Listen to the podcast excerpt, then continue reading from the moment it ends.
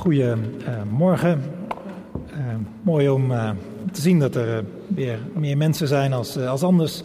Hopelijk is een teken dat we langzaamaan toch meer en meer naar een, een nieuw normaal gaan. Welkom als je hier bent. Misschien kom je hier al geregeld. Misschien is het voor het eerst na lange tijd. En misschien ben je hier voor het eerst ook wel vanwege het doop of opdragen van iemand die je kent. Bij Noorderlicht zijn we in ieder geval al heel wat weken bezig met het Bijbelboek Exodus. Uh, onder de titel Een lange weg naar de vrijheid. En ik denk dat we allemaal zoeken naar vrijheid. Of je nou gelovig bent of niet, we willen allemaal vrij zijn, toch? Vrijheid kunnen leven. Ik denk dat jullie dat ook heel graag willen voor de kleine met wie je vandaag bent gekomen. Dat hij of zij vrijheid zou kunnen leven. Ik denk dat een van de grootste misverstanden van onze tijd echter is dat als het om vrijheid gaat, dat, dat we vooral denken dat je dat je los moet komen van wat je bindt. Van wat je beknelt en benauwt en dat je de dam bent. Het misverstand zit erin dat je dan maar één stap zet, terwijl je twee stappen nodig hebt om vrij uit te kunnen leven. Twee vergelijkingen. Hopelijk helpen ze. Stel je voor, iemand zit voor het eerst van zijn leven achter een piano. Hij heeft anderen zien spelen, hij heeft ervan genoten gedroomd om ook zelf ooit muziek te maken. Nu zit hij achter die piano. En hij wil ook piano gaan spelen, maar hij zit vastgebonden aan zijn stoel. Zijn handen op zijn rug en voeten vast aan de poten van de stoel. Natuurlijk, om überhaupt piano te kunnen gaan spelen is het nodig dat hij losgemaakt wordt van wat hem bindt. Maar dan is hij er nog niet. Want hij zal snel genoeg ontdekken dat als hij zijn vingers op de toetsen zet, dat er niks moois klinkt.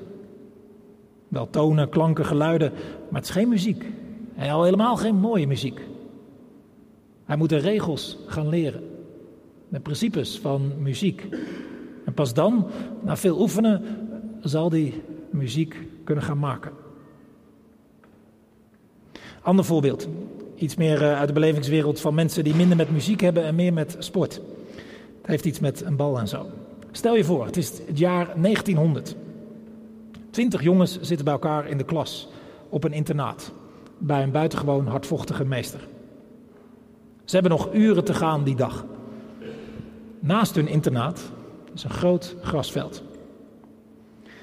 En eh, de directeur van het internaat, een buitengewoon sympathieke man, die, eh, die laat op een morgen twee doelen plaatsen aan beide zijden van het eh, grasveld. Hij legt een bal in het midden, want hij heeft namelijk in de krant gelezen van een nieuw spel uit Engeland.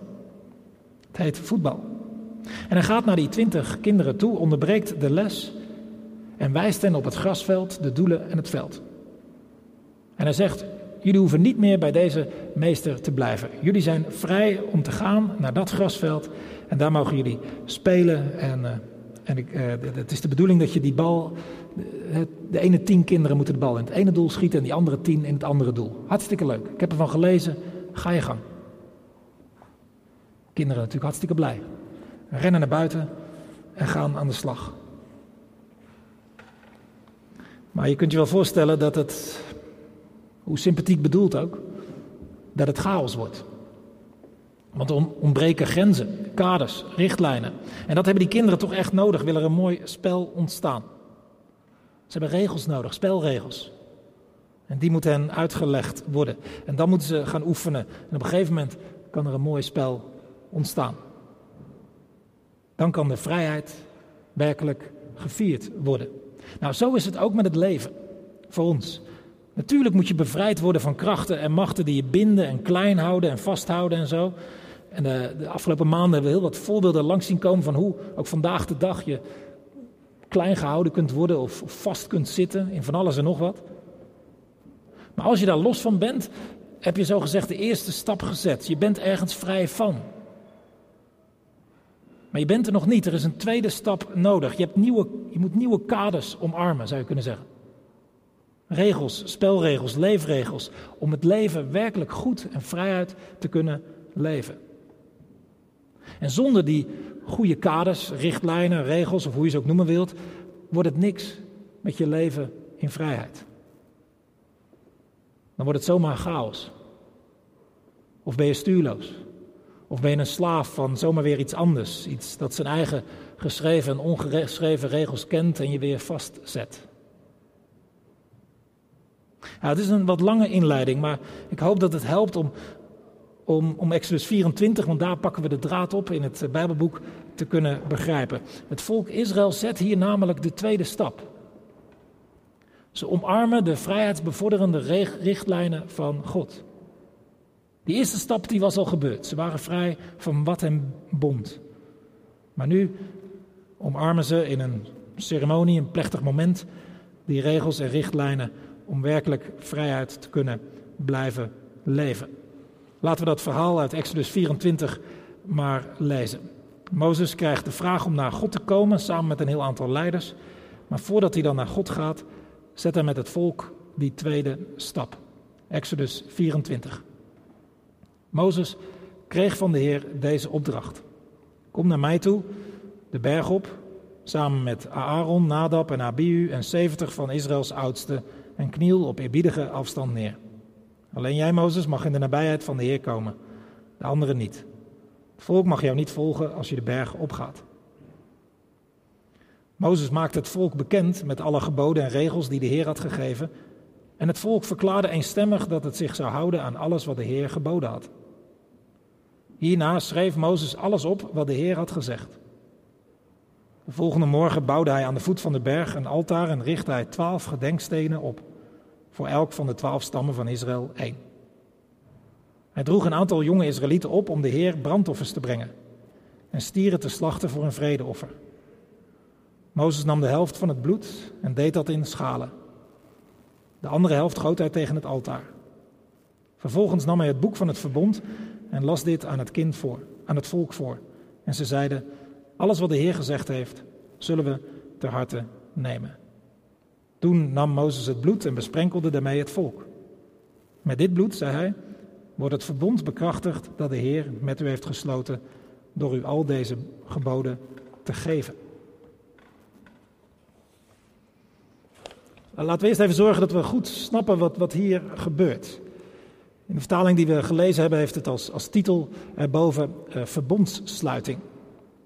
Een verbond was in die tijd een formele overeenkomst tussen twee partijen.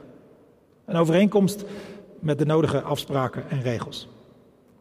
En Mozes vindt het, dat het nu het moment is dat deze formele overeenkomst tussen God en Israël ook omarmd wordt door het volk zelf. Dat zij dat aannemen.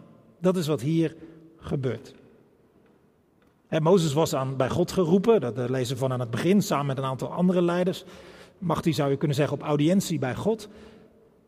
Maar blijkbaar wil hij eerst, voordat hij het volk gaat vertegenwoordigen, representeren, eerst de volmondige instemming hebben van dat volk. Verbondsluiting. Die term kan dat eh, op het verkeerde been eh, zetten. Alsof het hier begint tussen God en het volk. Maar het, het begint hier, dat verbond begint hier niet. Het is, al, het is al lang daarvoor begonnen, eigenlijk al bij, het, bij de start van het volk Israël, bij, bij de stamvader, bij Abraham. Daarmee sluit God al een verbond. En via Abraham ook met zijn nakomelingen. Abraham, Isaac, Jacob en, en zo door. En de eeuwen door blijkt God zich te houden aan wat hij gezegd heeft.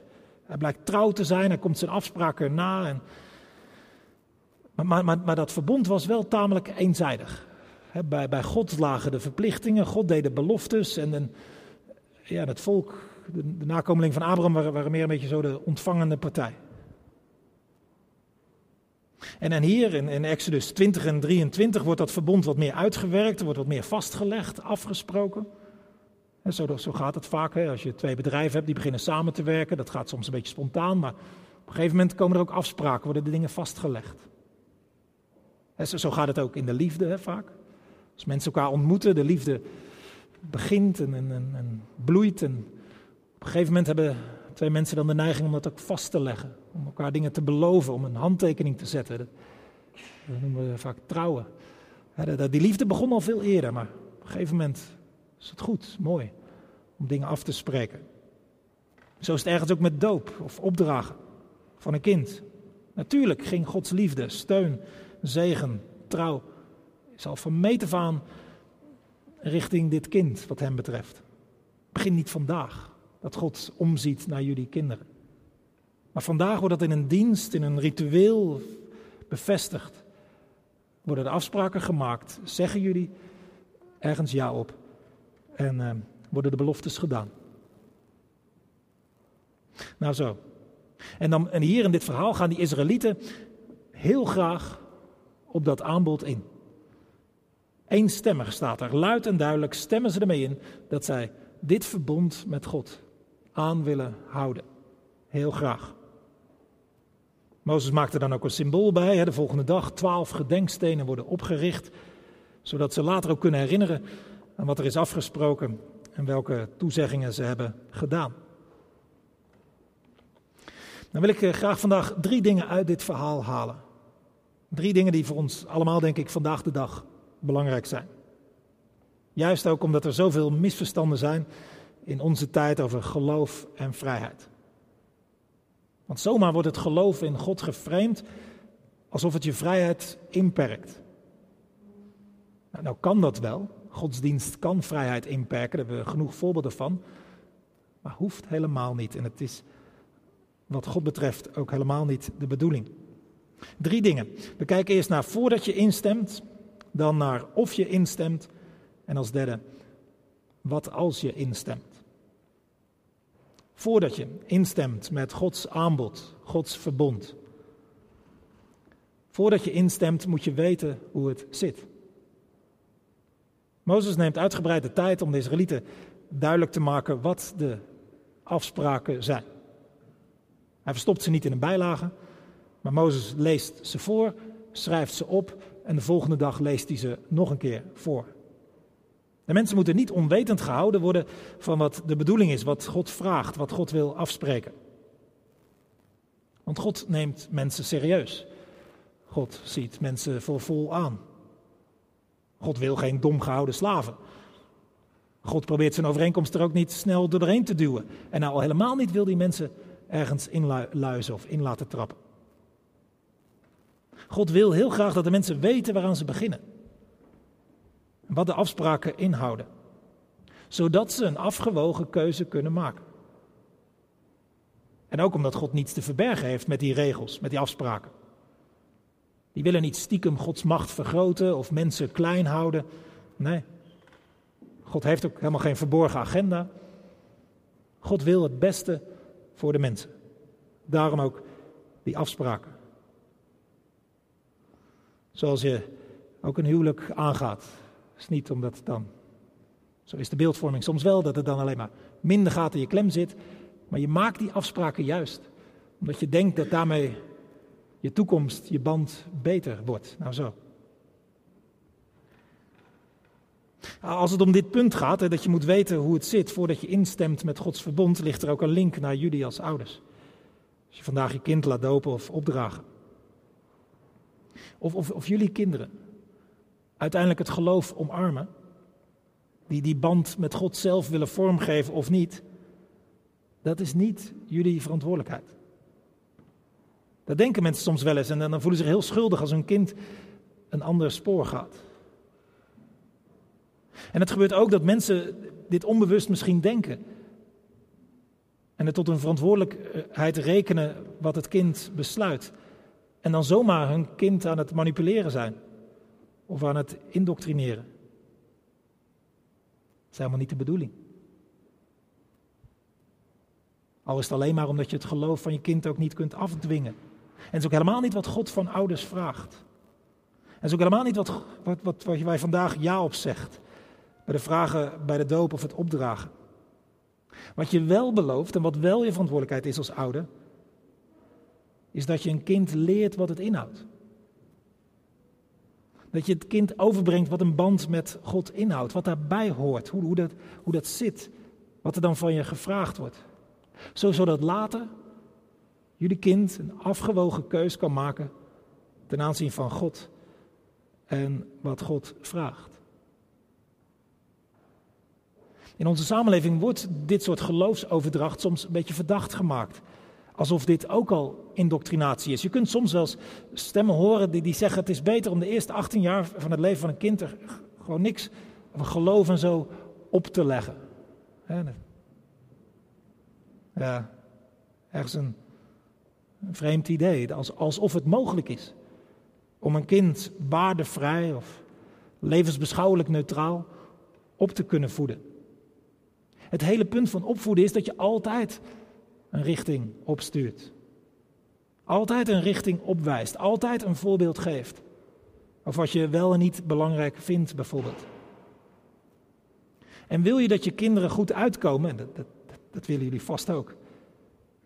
Als, als je wil voorkomen dat het stuurloze wezens worden, ja, dan kun je maar beter bewust nadenken over wat je wilt communiceren. Met je woorden, daden, keuzes, gedrag, hoop, geloof. Voordat je instemt, moet je weten hoe het zit. En misschien wel een van de belangrijkste dingen die vandaag de dag dan duidelijk moeten maken naar mensen die misschien geïnteresseerd zijn in het geloof of, of naar een volgende generatie, is, is duidelijk maken dat die, die regels van God een geschenk zijn. In vers 8 noemt Mozes dat ook, dat God zijn geboden gegeven heeft. Een geschenk.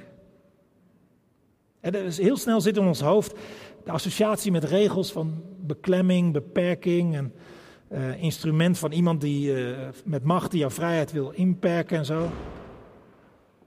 Of we zien regels als iets waarover je kunt onderhandelen. Jullie kinderen, vertrouw me, die gaan dat ook zo opvatten. In ieder geval proberen. Waarbij je dan hè, wat geeft en wat neemt en dan uitkomt op een compromis. Maar zo is het niet. De regels bij God, die zijn een geschenk. Zoals de spelregels bij een voetbalpartij. De muziekprincipes bij het leren piano spelen. Voedingsregels om gezond te kunnen leven. Dat is een geschenk. En als je het leven leeft volgens die regels van God, dan wordt je leven heel wat beter. In ieder geval, het is altijd weer nodig om uit te leggen wat dat geschenk dan precies is. Hoe die regels en kaders precies opgevat kunnen worden in de tijd van vandaag. Hoe je vertaalt dat naar nu. Het is belangrijk om misverstanden te voorkomen. En dat is ook precies waarom we als kerk bij elkaar komen. Om elkaar ook daarbij te helpen. Wat is het nou? Wat houdt dat verbond van God dan in? Wat, wat, wat betekent dat voor mij? Hoe ik mijn leven invul? Wat betekent dat voor nieuwe generaties? Maar niet alleen op zondag, ook in kleiner verband of online zijn er mogelijkheden om, uh, om steeds duidelijk te krijgen wat het is wat God vraagt. Zodat wij en de volgende generaties afgewogen keuzes kunnen maken of we ermee instemmen. En dan zijn we bij het tweede, of je instemt, ja, dat is aan jezelf. Mozes leest hier in dit verhaal simpelweg de afspraken voor. Tot twee keer toe, dat wel. En tot twee keer toe zeggen de mensen zich eraan te willen houden.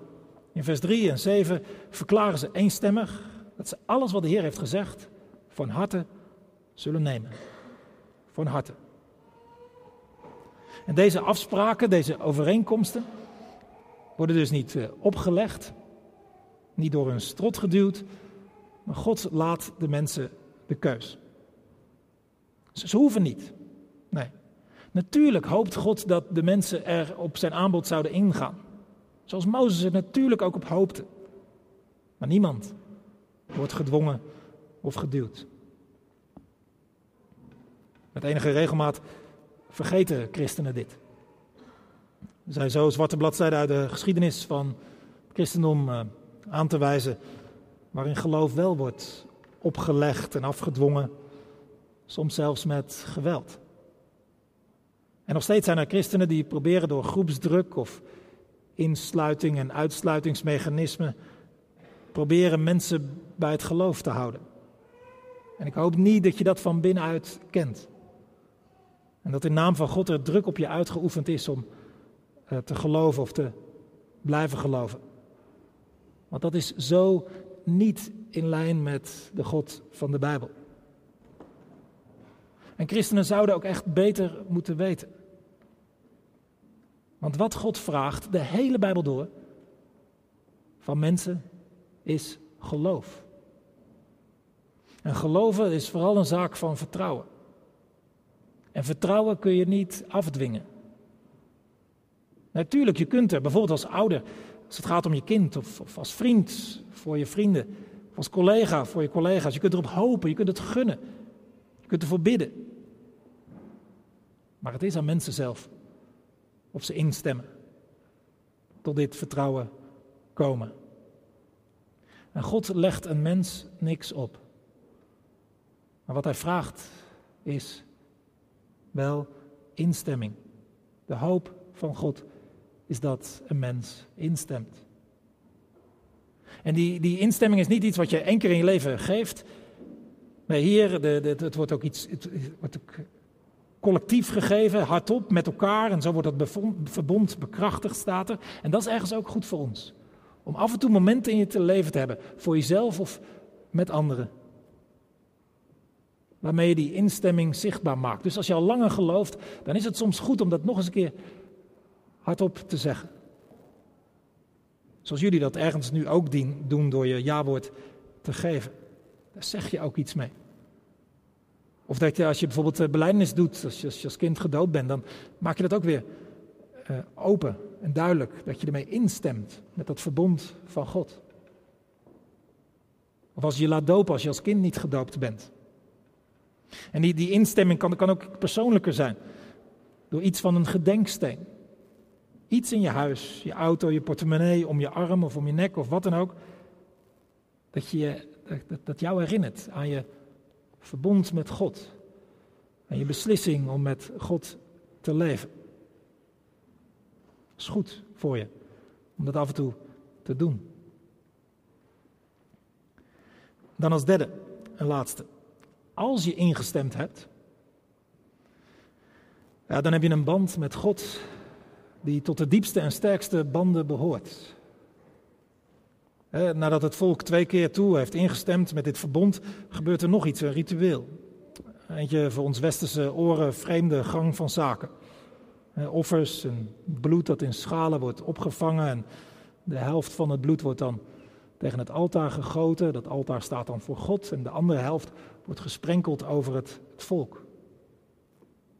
En met dit bloed, zegt Mozes dan, verklaart Mozes, wordt het verbond bekrachtigd dat de Heer met u heeft gesloten door u al deze geboden te geven. Het is niet iets unieks uh, wat je hier leest, dat kun je vaker lezen in de Bijbel, dat als er een verbond wordt gesloten, dat er sprake is van offers en van bloed dat vloeit. Het woord verbond in de Bijbel heeft ook altijd iets met bloed te maken. Het oorspronkelijke woord voor verbond in de taal, oorspronkelijke taal van, van het Oude Testament heeft ook iets met snijden te maken een snee. Er kwam altijd bloed bij kijken.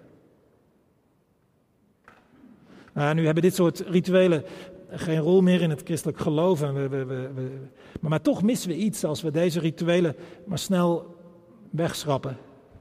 Als horend bij een primitiviteit die gelukkig niet meer is. Of als een tijdelijk gebruik dat gelukkig nu niet meer geldt. Dan missen we iets. Wat missen we dan? Nou, dat bloed is niet voor niets gevloeid. Waarom vloeide dat bloed dan? Om duidelijk te maken dat dit verbond met God niet zomaar iets is, maar iets kostbaars, iets heel belangrijks, iets sterks. Dit bloed is het teken van dat twee partijen die geen bloedverwanten van elkaar waren, een band aangaan die heel diep gaat. Het verbond waar het hier om gaat is geen contract met een opzegtermijn. Is veel serieuzer en dieper. Hij heeft bloed gevloeid. En dat bloed wijst op een diepe, hechte verbondenheid die ontstaan is bij dit verbond. En zoals je bloedverwantschap ergens niet kunt verbreken, zo is dit verbond wat God betreft net zo onbreekbaar. In het Nieuwe Testament wordt ergens genoemd dat Jezus zijn volgelingen ook met bloed heeft besprenkeld. Natuurlijk niet letterlijk, en dat is een beetje een vreemd beeld voor ons misschien. Maar het is een beeld dat gebaseerd is op Exodus 24. Een beeld dat zegt dat Jezus, wiens bloed ook gevloeid heeft toen hij zich opofferde aan het kruis, dat Jezus dus ook zo'n diepe band wil leggen. Het nieuwe verbond, daar kwam Jezus voor.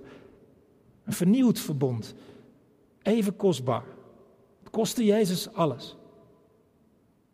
Maar het werd een beter verbond dan het oude. Want wat die rituelen en die offers van het oude verbond, ja, die waren ergens ontoereikend. En om, om daadwerkelijk die band met God goed te houden. En dat blijkt ook wel als je Exodus verder leest en de boeken die volgen. Het, het oude verbond, dat schiet tekort. Het werkt niet omdat mensen hun kant van het verhaal opzeggen. Het in de wind slaan, het vergeten. En geen offerdier of ritueel kan die band nog helen. En dan komt God zelf in Jezus naar deze aarde. Terwijl God zich aan, alle verplichtingen had gehouden, alle beloftes had waargemaakt, komt God om dat verbond te redden. En het verbond te verbreden naar ieder die maar wil, die instemt, die gelooft. Hij komt in Jezus en wordt zelf het offer, ongekend. God neemt de schuld van de andere partij op zich en maakt het zo goed. En er is niemand die zo ver is gegaan dan Jezus om die band met God te redden. Uh, jullie, jullie geven ook ons gelooflijk veel om je kind. Er is geen, niemand die daaraan twijfelt. En toch, die liefde van je, die haalt het niet bij wat Jezus voor jouw kind over heeft gehad. In Jezus zie je dat God echt alles over had. Om die band met jullie ook, maar ook met jullie kinderen, te redden. Ik sluit af een uitnodiging. Dit verhaal is ergens een uitnodiging. Dat verbond van God is er ergens nog steeds. Het staat open. Voor kinderen, voor volwassenen, voor wie maar wil. Bij dit verbond horen afspraken bij. Deels ook andere afspraken dan die afspraken hier in de woestijn bij het volk Israël. Die tien geboden die, die hier klinken, Exodus 20, ja, die horen er sowieso wel bij. Dat zijn de grondbeginselen. En zeker ook de twee regels van de liefde, die horen er ook bij. God liefhebben boven alles en je naaste als jezelf. En andere afspraken over vergeven, over geven, over aanvaarden van mensen horen erbij. Noem maar op. Mooie dingen. Moeilijk soms om in de praktijk te brengen. Maar zulke mooie dingen. En dat verbond met die afspraak staat open. Je mag meedoen. Als je wil. Als je instemt. Kun je er zo bij. En misschien helpt het lied, dat zo via de beamer wordt getoond wel, om dat ook weer, om daarop in te stappen. Misschien wel voor het eerst of voor de zoveelste keer. Ja en amen te zeggen. Amen.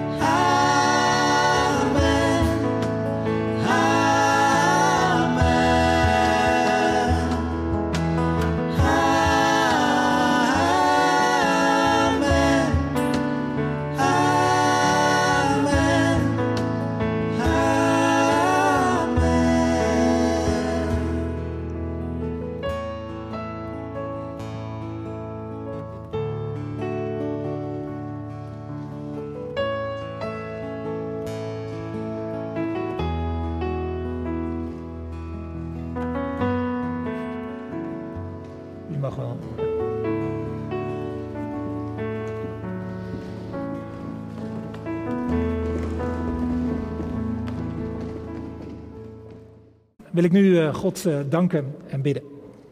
Heere God, dank u wel dat u zich wil verbinden aan mensen. Vandaag ook. Mensen die uh, niet zoveel gedaan en gezegd of gepresteerd hebben. Maar toch zegt u wel, ik wil ze erbij hebben. Mijn hart gaat naar ze uit. Ik heb alles voor ze over. Dank u wel dat u zo bent. Dat uw verbond zo open staat. Dat uw uitnodiging zo breed uitgaat. Dank u wel dat u zo bent. Ondanks ons, van onze kant van alles mis is of mis is gegaan.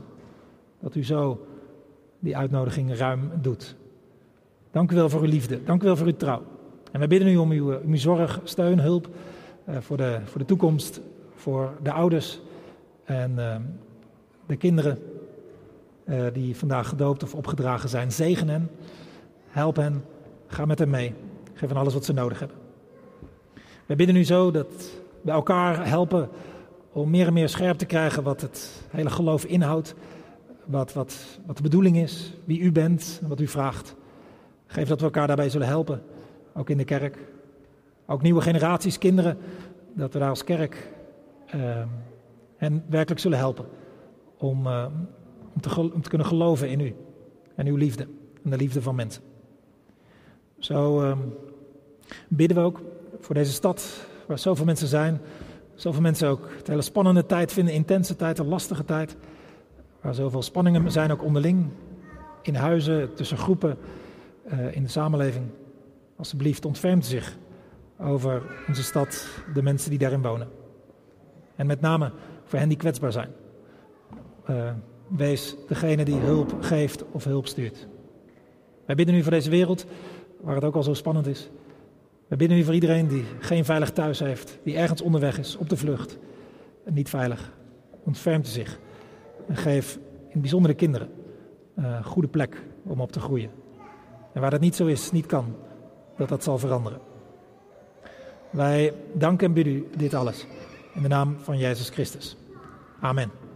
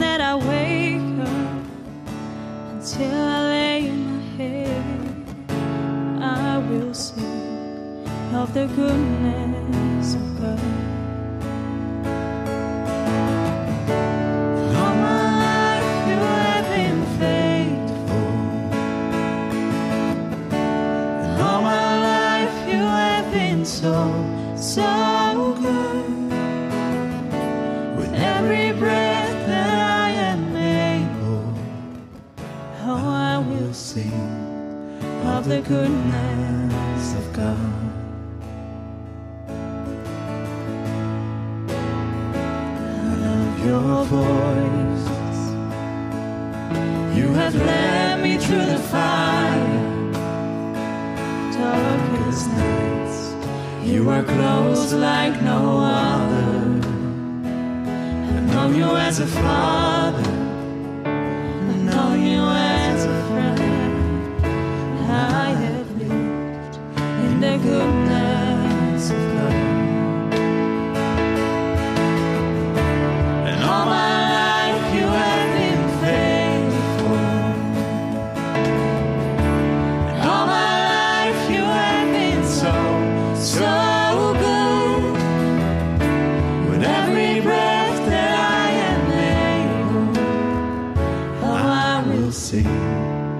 the goodness of God.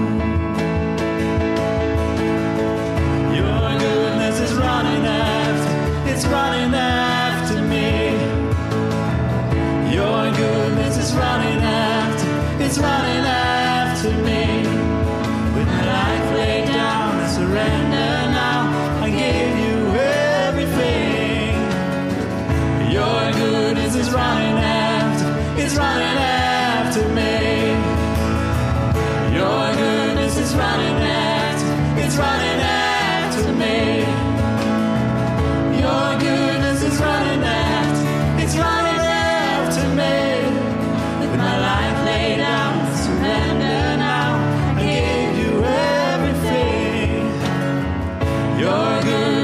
running after, it's running after me.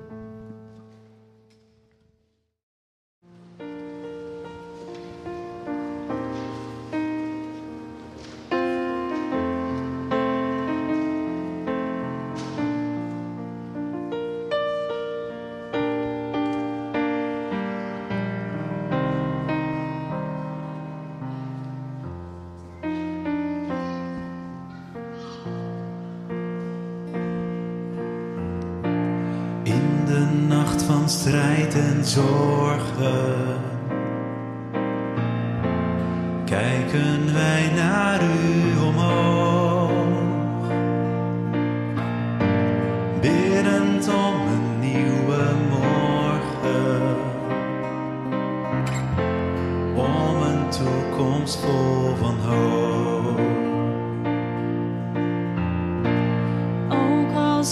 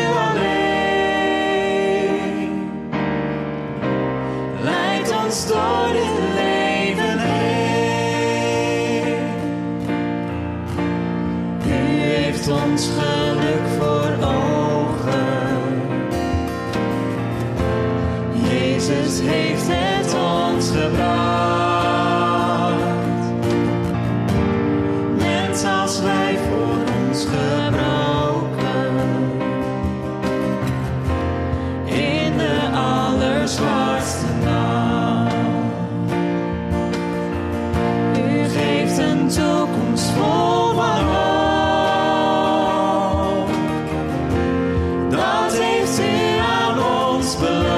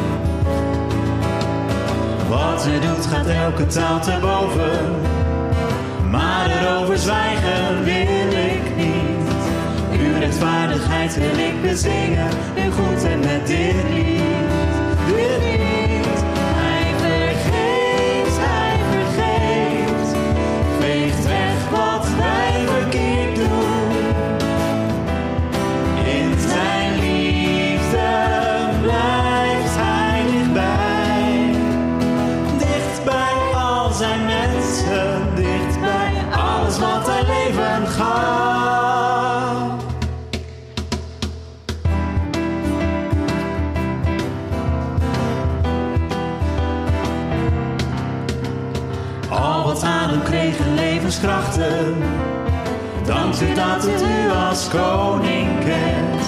Laten alle landen van de aarde beseffen wie u bent. En als iemand valt door het leven, kromgebogen wordt aan help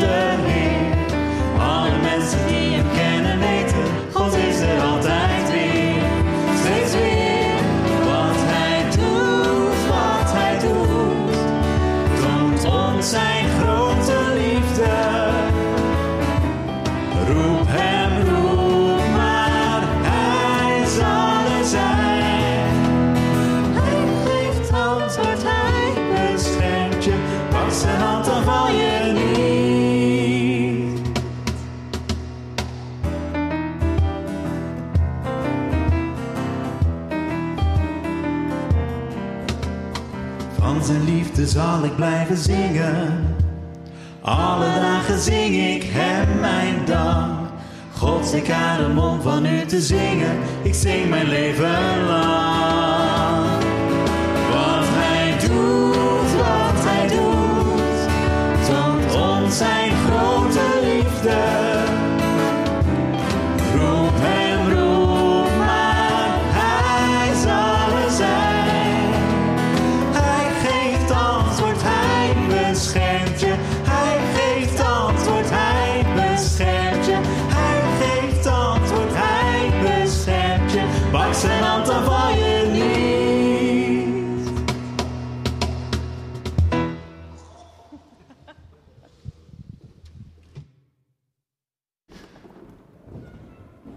Harte welkom om eh, straks in de tuin eh, van de kerk nog eh, even na te praten, ontmoeten, koffie, thee.